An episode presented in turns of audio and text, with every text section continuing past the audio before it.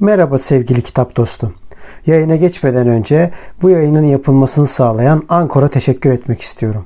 Ücretsiz olan Ankor, podcast'inizi doğrudan telefonunuzdan veya bilgisayarınızdan kaydetmenize ve düzenlemenize olanak tanıyan araçları mevcut.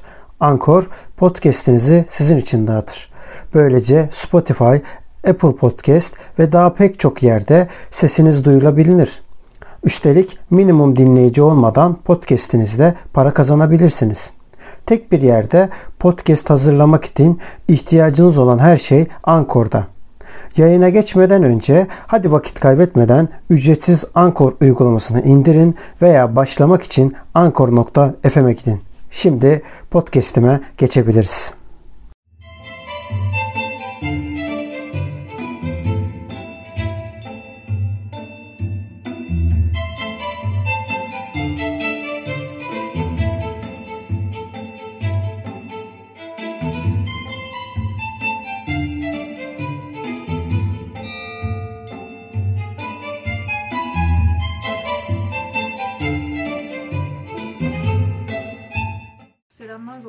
Ben Uçan Salyangoz. Kameranın arkasında ise kitap direktifi var. Selamlar. Bugün sizlere Dostoyevski ve Dostoyevski'nin bir kitabından bahsedeceğiz. Kitapta şöyle göstereyim ben. Tatsız Bir Olay kitabın adı. Can yayınlarından yayınlanmış. Burada aslında epey bir araştırma yaptım kitapla ilgili. Hep önüme şey, şey çıktı. Aynı tarz cümleler ve sanki çok önemsiz bir kitap şeklinde çıktı. Bütün yorumlar, işte araştırdığım bazı yazılarda. Ama ben okudukça hatta hani benim için birazcık daha farklı oldu bu kitap. Okudukça bir de okumaya karar verdim. İkinci okuyuşumdu ve şuna karar verdim. Kitap aslında bir felsefi kitap neredeyse. Çünkü olay birazdan da birazcık yani spoiler vermeden anlatmaya çalışacağım. Asıl ana üç karakter üzerinden yani başlangıçtan itibaren üç karakter üzerinden gerçekleşiyor. Olay başlıyor ama o kitabın işte sonlarına doğru karakterimiz yalnız kalıp başka bir ortama giriyor. Aslında burada karakterimiz ve kitap bize şeyi anlatmaya çalışıyor. Tek başına bir insanın kendi düşüncesiyle, bireysel düşüncesiyle bazı şeyleri aslında değiştiremeyeceğini anlatıyor. Çünkü bireysel düşünceler, değişimler e, bir yere kadar insanı götürür. Ondan sonra ya olduğu yerde kalır ya da sonu sonuçsuz kalır. Şimdi kitap zaten baştan sona kadar aslında bize bunu anlatıyor. Bize anlattığı ana üç tane nokta var. Hümanizm, karakterimizin üzerinden anlatmış olduğu varoluşçuluk ve liberalizm. Kitap bu üçünü birlikte anlatıyor. Zaten başta da karakterimizle birlikte olan iki karakterimiz daha var. Onlar zaten bu bizim ana karakterimizin bu savunmaya çalıştığı olayı aslında reddediyor. Böyle bir şeyin olamayacağını söylüyor. Peki nedir bu ana karakterimizin savunduğu şey nedir? Ana karakterimiz şöyle anlatayım Dostoyevski'nin bu kitabını yazmasının sebeplerinden biri de aslında Rusya'nın bulunduğu o politik durumlardan kaynaklanan bir şey. Dostoyevski çocukluğundan itibaren bir sürü sorunla karşılaşan bir çocuk.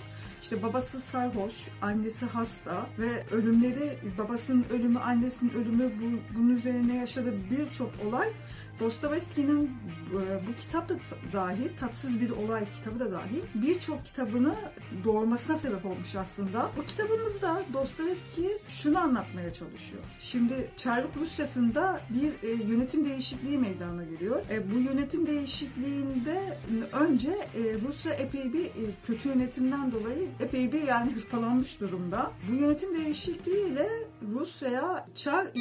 Alexander diye yeni bir e, kişi geliyor. Bu kişi bu hırpalanmış havayı ortadan kaldırmak için yenilikçi şeyler yapmaya çalışıyor, reformlar yapmaya çalışıyor. Bu ülkede esen bu reform havası, bu yenilikçi hava ülkedeki birçok kişiyi de etkiliyor. Bu etkilenen kişilerden birisi de yeni Eksilans ünvanını almış. Yani soyluluk ünvanını almış kişi ana karakterimiz Pravenski bu reform havasını hümanizmle vermeye çalışıyor. İşte hümanizmle yani iyilikle bir şeylerin değişeceğine inanıyor. Alt tabakanın da üst tabakanın da birleşeceğine işte al yürüm ver yürüm havasıyla aslında birbiriyle farklı sınıflar da birbiriyle iyi geçinecek modunda yürüyor. E tabii ki böyle bir şey olmuyor. Bu yönüyle de şeye benziyor. Anarşizme benziyor aslında. Evet birazcık ona benziyor. Anarşistler de çünkü mesela Marksistlerden ayrı olarak şöyle bir şey düşünüyorlar. Diyorlar ki sınıfsız topluma geçerken bireysel çıkışların hepsi bir kaosa sebebiyet verecek ve bu kaostan bir düzen doğacak. Evet. Ama tabii Marksistler de diyor ki hayır böyle olmayacak. Aksine tamamen diyorlar merkezi bir otorite lazım bu düzene geçiş için diyorlar. Bu yönüyle senin anlattığında da mesela böyle buna benziyor ki bana hani Marksizm ya da anarşizm mantığı anlamında değil de anarşizm ya karşıtlık anlamında değil de anarşizm özelinde yorumladığım zaman çok gerçekçi gelmiyor açıkçası.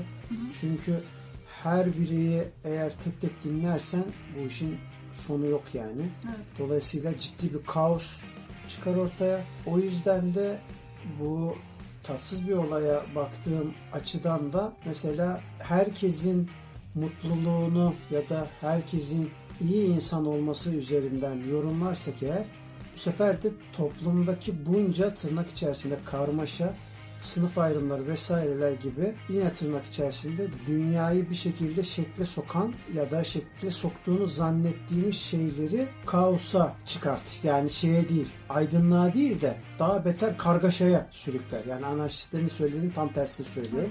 Bu kitap da sanki bana onu anımsattı. Yani kitap şöyle, senin ben üzerinden gidiyorum. Üç ana karakterimizin, e, üç ana değil de üç karakterimizin e, birbiri tartıştığı nokta hümanizm. Ana karakterimiz şey diyor, hümanizmle bir şeyin, e, bir şeylerin daha iyi olacağını, daha iyi bir ülkeye kavuşacağımızı iddia ediyor.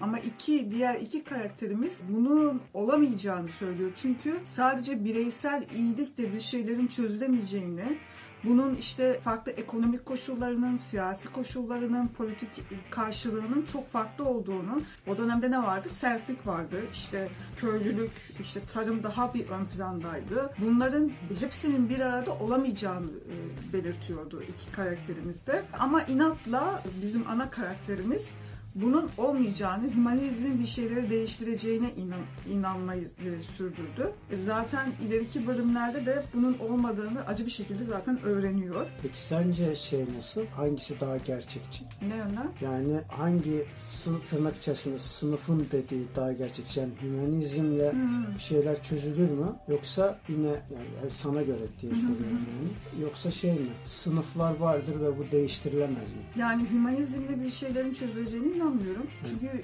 hümanizm bir nevi bireysel özgürlüğü savunuyor.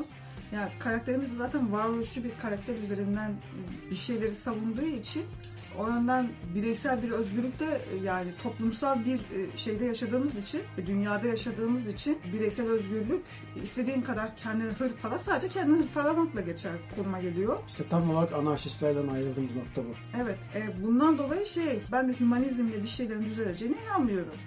Zaten burada kitapta da karakterlerimiz, diğer iki karakter bize zaten kendi sınıfının şeyini veriyor. Söylüyor yani bizim sınıfımız bu. Hümanizm diye bir şey olamaz bizim sınıfımızda diyor. Öyle bir şey yok. Konunun dünyada zaten hümanizmle alakası yok. Hatta kainatta hümanizmle hiçbir şey çözemezsin ki. Belli Evet. kurallar vardır. Kurallar çerçevesinde gidersin. Çünkü bireysel yaşamıyoruz aslında. Evet, Evet. bireysel olarak içimize kapanıyoruz. Bireysel olarak tepkimizi vermiyoruz. Bireysel olarak yalnızız. Fakat dünya böyle işlemiyor. Evet. Dünya daha da toplumsal Bu- ve genel. Bu ama bu bireysellik kainatın hatası değil ki. Yani kurallar silsilesinde değil ki. Sana ilk olarak söylüyorum. yani. Aksine yani bizim seçtiğimiz tırnak içerisinde yine bugün çok tırnak içerisinde kullanıyorum. tırnak içerisinde tercihimizi gösteren bir düzeni tercih etmişiz. Evet. En azından önceden tercih edilmiş. Biz de ona uymak yine tırnak içerisinde zorunda kalıyoruz. Evet. O yüzden de aslında tamamen bir tercihler silsilesi olarak doğanın bu konuyla hiçbir alakası yok. Bireyselliğimiz kendi suçumuz oluyor yani. Evet, yani evet dediğin noktada zaten şu anki koşullara da bakarsan o şekilde ilerliyor. Zaten bu kitabın yani tatsız bir olay kitabının da günümüzden bence hiçbir farkı yok. Yani o anlatma sadece işte şey farklı, mekanlar, tarihler farklı. O kadar. Klişe söyleyeceğim ama artık kaç kere söyledik. Bu kanalı açmamızın temel sebebi de o zaten. Edebiyat günceldir ve ne kadar güncel olduğunu her eserde görüyoruz. İşte bu da tanesi. Ve Dostoyevski bu kitabı yazmadan önce sürgündeydi. 4 yıl Sü- Sibirya'da sürgündeydi. 4 yılda kürek cezası vardı. Yani aslında toplamda 8 yıl neredeyse. Ve bu 8 yıl içinde döndükten sonra e, kardeşi Mikail ile birlikte bir dergi açtılar ve bu dergi derginin adı da Diremya'ydı. Yani Zaman isminde ironik bir şekilde Zaman e, derginin Türkçesi, Türkçe anlamı. E, bu dergide işte tatsız bir olay öyküsü yayınlandı. İlk orada yayınlandı. Yani demek istediğim şey Dostoyevski'yi bu şeye kadar getiren aslında yaşadığı olaylar. Kitaplarına anlam kazandıran aslında o kişinin çevresinde olgunlaşan olaylar hep kendinin olgunlaşması aslında. Dostoyevski'yi farklılaştırdı düşünce olarak. Eğer en baştaki Dostoyevski ile şimdiki yani bu kitabı yazdığı Dostoyevski ne kadar aynı onu bilmiyorum ama hümanizm denen şeyin bir sonuca varamayacağını gösteriyor. Zaten şeyde kahramanımız da ana karakterimiz de iki arkadaşından ayrıldıktan sonra kendi emri altında bir alt sınıfta kişinin düğününe tesadüf eseri gidiyor. Orada bir sürü şey olaylar oluyor. Orada hümanizmi yansıtmaya çalışıyor ama işler onun istediği gibi gitmiyor. Çünkü oradaki karakterler, insan çeşidi, sınıfsal o altyapının verdiği işte karakterlere Kültürler. verdiği özellikler, kültürler olayın pek de işte hani e, ana karakterimizin istediği yani çünkü ana karakterimizin her şeyi var çocukluğundan o anki dönemine kadar, şu anki yaşına kadar 43 yaşında olan bir kişi de. 43 yaşına kadar aldığı her şeyi almış zaten. Geriye alabileceği ne kalmış? Hümanizmle birlikte ispatlaması gereken şey aslında popülerlik. O popülerliği aslında istiyor. E, bir yandan hümanizmi kanıtlamaya çalışıyor, bir yandan da aslında alt sınıfın saygınlığını üst sınıfla birlikte almaya çalışıyor. Olay bu aslında. Ama tabii ki olaylar böyle gitmiyor. Alt sınıfla üst sınıfın arasında o kadar çok derin farklılıklar var ki, o kadar çok emek bakımından farklılıklar var ki bu ikisi birbirini kucaklayamaz durumda. Çünkü öyle bir şey yok. Bundan dolayı karakterimiz yine geldiği sınıfa en sonunda, kitabın sonunda tekrar geri dönüyor. Yani kitap dolayısıyla da üç tane farklı bakış açısıyla bitiriyor. Hı hı. Bir tanesi varoluşçuluk, bir tanesi hümanizm. Evet. Diğeri de bunun tanımı, bunların her ikisini de kapsayan liberalizm. Yani üç tane farklı. Hatta üçüncüyü de kapsayan yani, hı hı. E, liberalizm. Burada bir dipnot geçmem lazım. Yani en azından bunu düşünüyorum yani. Hı hı. E, liberalizm her şeyde özgürlük gibi yorumlanıyor. Halbuki sadece özel mülkiyetlerde özgürlüktür. Evet. Dolayısıyla da sıkıyorsa sen o kendi hak iddia ettiği mülkiyete bir el sür. Özgürlük orada biter. Dolayısıyla da aslında sınıfını korur. Yani bu yönüyle de egemen güçlerin baskı aygıtı olan devletin baskı aygıtlarından bir tanesi olan bir subayın kendi sınıfını korumaktan başka çaresi yok. Çünkü onu korumazsa kendi sınıfı yok olacak, ekonomik gerekçeleri ortada kalmayacak. Hı hı. O yüzden de kendi tırnak içerisinde lüksiyatı kalmayacak, ferahlığı kalmayacak. O yüzden de kendi sınıfını savunmak zorunda. Önemli olan burada karşı sınıf ne yapıyor? İşte bu da güncel konuların karşılığı oluyor. Ama kitabın konusu bu olmadığı için yani buraya kadar söylemek yeterli. Hı hı. Lakin kitap gayet güncel ve aslında günümüzde bile konuştuğumuz, tartıştığımız konuları anlatıyor. Bir de zaten karakter şey yapıyor yani kendi sınıfını veya sınıfları ortada, ortadan kaldırma gibi bir derdi yok adamın. Sadece dediğimiz gibi hümanizmi e, hem şey... Sınıflar arası barışı istiyor. Heh, aynen e, hem barışı isterken de şey yapıyor yani bir popülerlik istiyor. E, işte ben kanıtlayacağım. idealistçe yani bunu istiyor. Bu şey. Heh, burada işte idealizm ne dediğini açıklamak lazım bence. İdealizm yönüyle mesela halk arasında kullanılan ağızla yani idealizm aslında ideadan geliyor. Evet. Nedir idea? Olunması gereken, hedeflenen, şeydir. Bu yönüyle belki de diyorum yani ülküye benzetilebilir. Hani ülkücülük, ülkü bir şey uğruna mücadele verme, yine bedel verme gibi olabilir. Ancak idea hani dediğim gibi bu anlama gelmekle birlikte idealizm biraz daha mevzuyu yumuşatıyor. Neden? İdealizm aslında liberal bir açılım oluyor. Ne için liberal bir açılım oluyor? Çünkü az önce söylediğim gibi ideanın tanımı ortadayken biz tutup da bireysel olarak bir şeyler için mücadele vermenin yoluna girdiğimizden dolayı aynı kitabın düştüğü duruma düşüyoruz. Yani o baş karakterin düştüğü duruma düşüyoruz. O yüzden çok hoş değil. Ama halk arasında kullanılan idea niyet anlamında bakarsak sadece ki bu arada niyet okuma makinamız yok. Dolayısıyla bu doğru değildir ama ben yani halk arasında kullanılana yine de söyleyeyim yani. İdealizm orada işte bir az önce söylediğim gibi aslında farkı yok. Bir amaç uğruna her şeyi verebilecek kişi. Mesela ne olabilir? Kariyerist olabilir. Yani kariyeristlere de idealizm söyle idealist olduklarını söyleyebiliriz. Neden? Çünkü en sonunda örnek veriyorum İK olmak istiyorsa, bir patron olmak istiyorsa ya da ne bileyim işte bir patron temsilcisi de olabilir. Hiç kimse işçi olmayı hedeflemez bu arada. Yani yok böyle bir şey. Dolayısıyla da bunları idealist olarak hareket ettiği zaman işte en fazla ne olabilir? Baş mühendis olacak mesela. Bu bir idealizmdir yani. Halk arasında hemen şey derler. Bu adam çok idealist. Baş mühendis olmak istiyor falan derler. O yüzden tüm bunlar işte liberalizmi yani bireyselciliğin göstergelerinin tırna, yine tırnak içerisinde süslü püslü hali oluyor. Ondan dolayı senin söylemiş olduğun o bir şeyleri ispat etme hali Hı-hı. aslında idealizmin de yansıması olarak geliyor bana kalırsa. Evet, ben de katılıyorum zaten sana. Bir de şey, kitabın bir değişik versiyonu başka bir kitapta var. Onu göstereyim. Şu kitaba çok benziyor. Çıkadan ne oldu sana? Hans Saloda. Ee, burada aslında Dostoyevski'nin anlattığı kitaba birazcık benziyor. Bunu anlatmayacağım. Belki ileride okuruz. o şekilde anlatma fırsatımız Tiyatro olur. Tiyatro konumuz var onunla. Evet. Belki o, de yayınlanmış içeriğinde... olur. Belki Hı-hı. de daha sonra yayınlanır. Ne var yani? Öyle. Senin katacağın bir şey var mı? Yani Senden çok konuştum. Evet. Hatta şöyle bir şey almıştım, not almıştım. Onu okuyayım istersen. Humanizm her zaman olmalıdır. Yani karakterin Arkadaşlar evet humaniz, hümanizmin olması gerektiğini söylüyor. Fakat devrim hareketi sadece bir insan severlik içinde toplanamaz. Köy davaları, idare, tekercilik, ahlak, vesaire vesaire gibi sonsuz konular var. İşte bunların topu birden söz konusu olunca çeşitli duraksama sebepleri de ortaya çıkıyor. Bizi asıl kuşkuya düşüren bu noktalarda. Yoksa sadece hümanizmin sorunu değil. Yani adam kendi sınıfını gayet iyi tanıyor bence. Yani tek sorunumuz keşke diyor hümanizm olsa da keşke böyle bir şey olsa. Ama hümanizmle olacak iş değil diyor bir sürü şey sayıyor. Köy davalarını sayıyor, idareyi, tekerciliği, ondan sonra ahlakı vesaire vesaire şey yapıyor, savunuyor. E sayıyor. E bunların hepsi politik şeyler, ekonomik şeyler. E sen bunların hiçbirisini hümanizmle çözemezsin. Ana karakterin arkadaşları bu şekilde savunuyor. Bu yüzden işte biz de e, Dostoyevski'nin anlatmaya çalıştığı gibi hümanizmi bir şeylerle değiştiremeden geldiğin yere geri dönersin diyor. Çünkü sınıflar birleşmeden hiçbir şeyi değiştiremezsin. Bu hümanizm bile olsa. Ben de bir şey söylemek istiyorum. Sen şimdi böyle söyleyince kameranın arkasına her geçende fantastik düşünceler geliyor her zaman. Şimdi seni anlamaya başladım. Neyse şöyle bir şey geldi aklıma.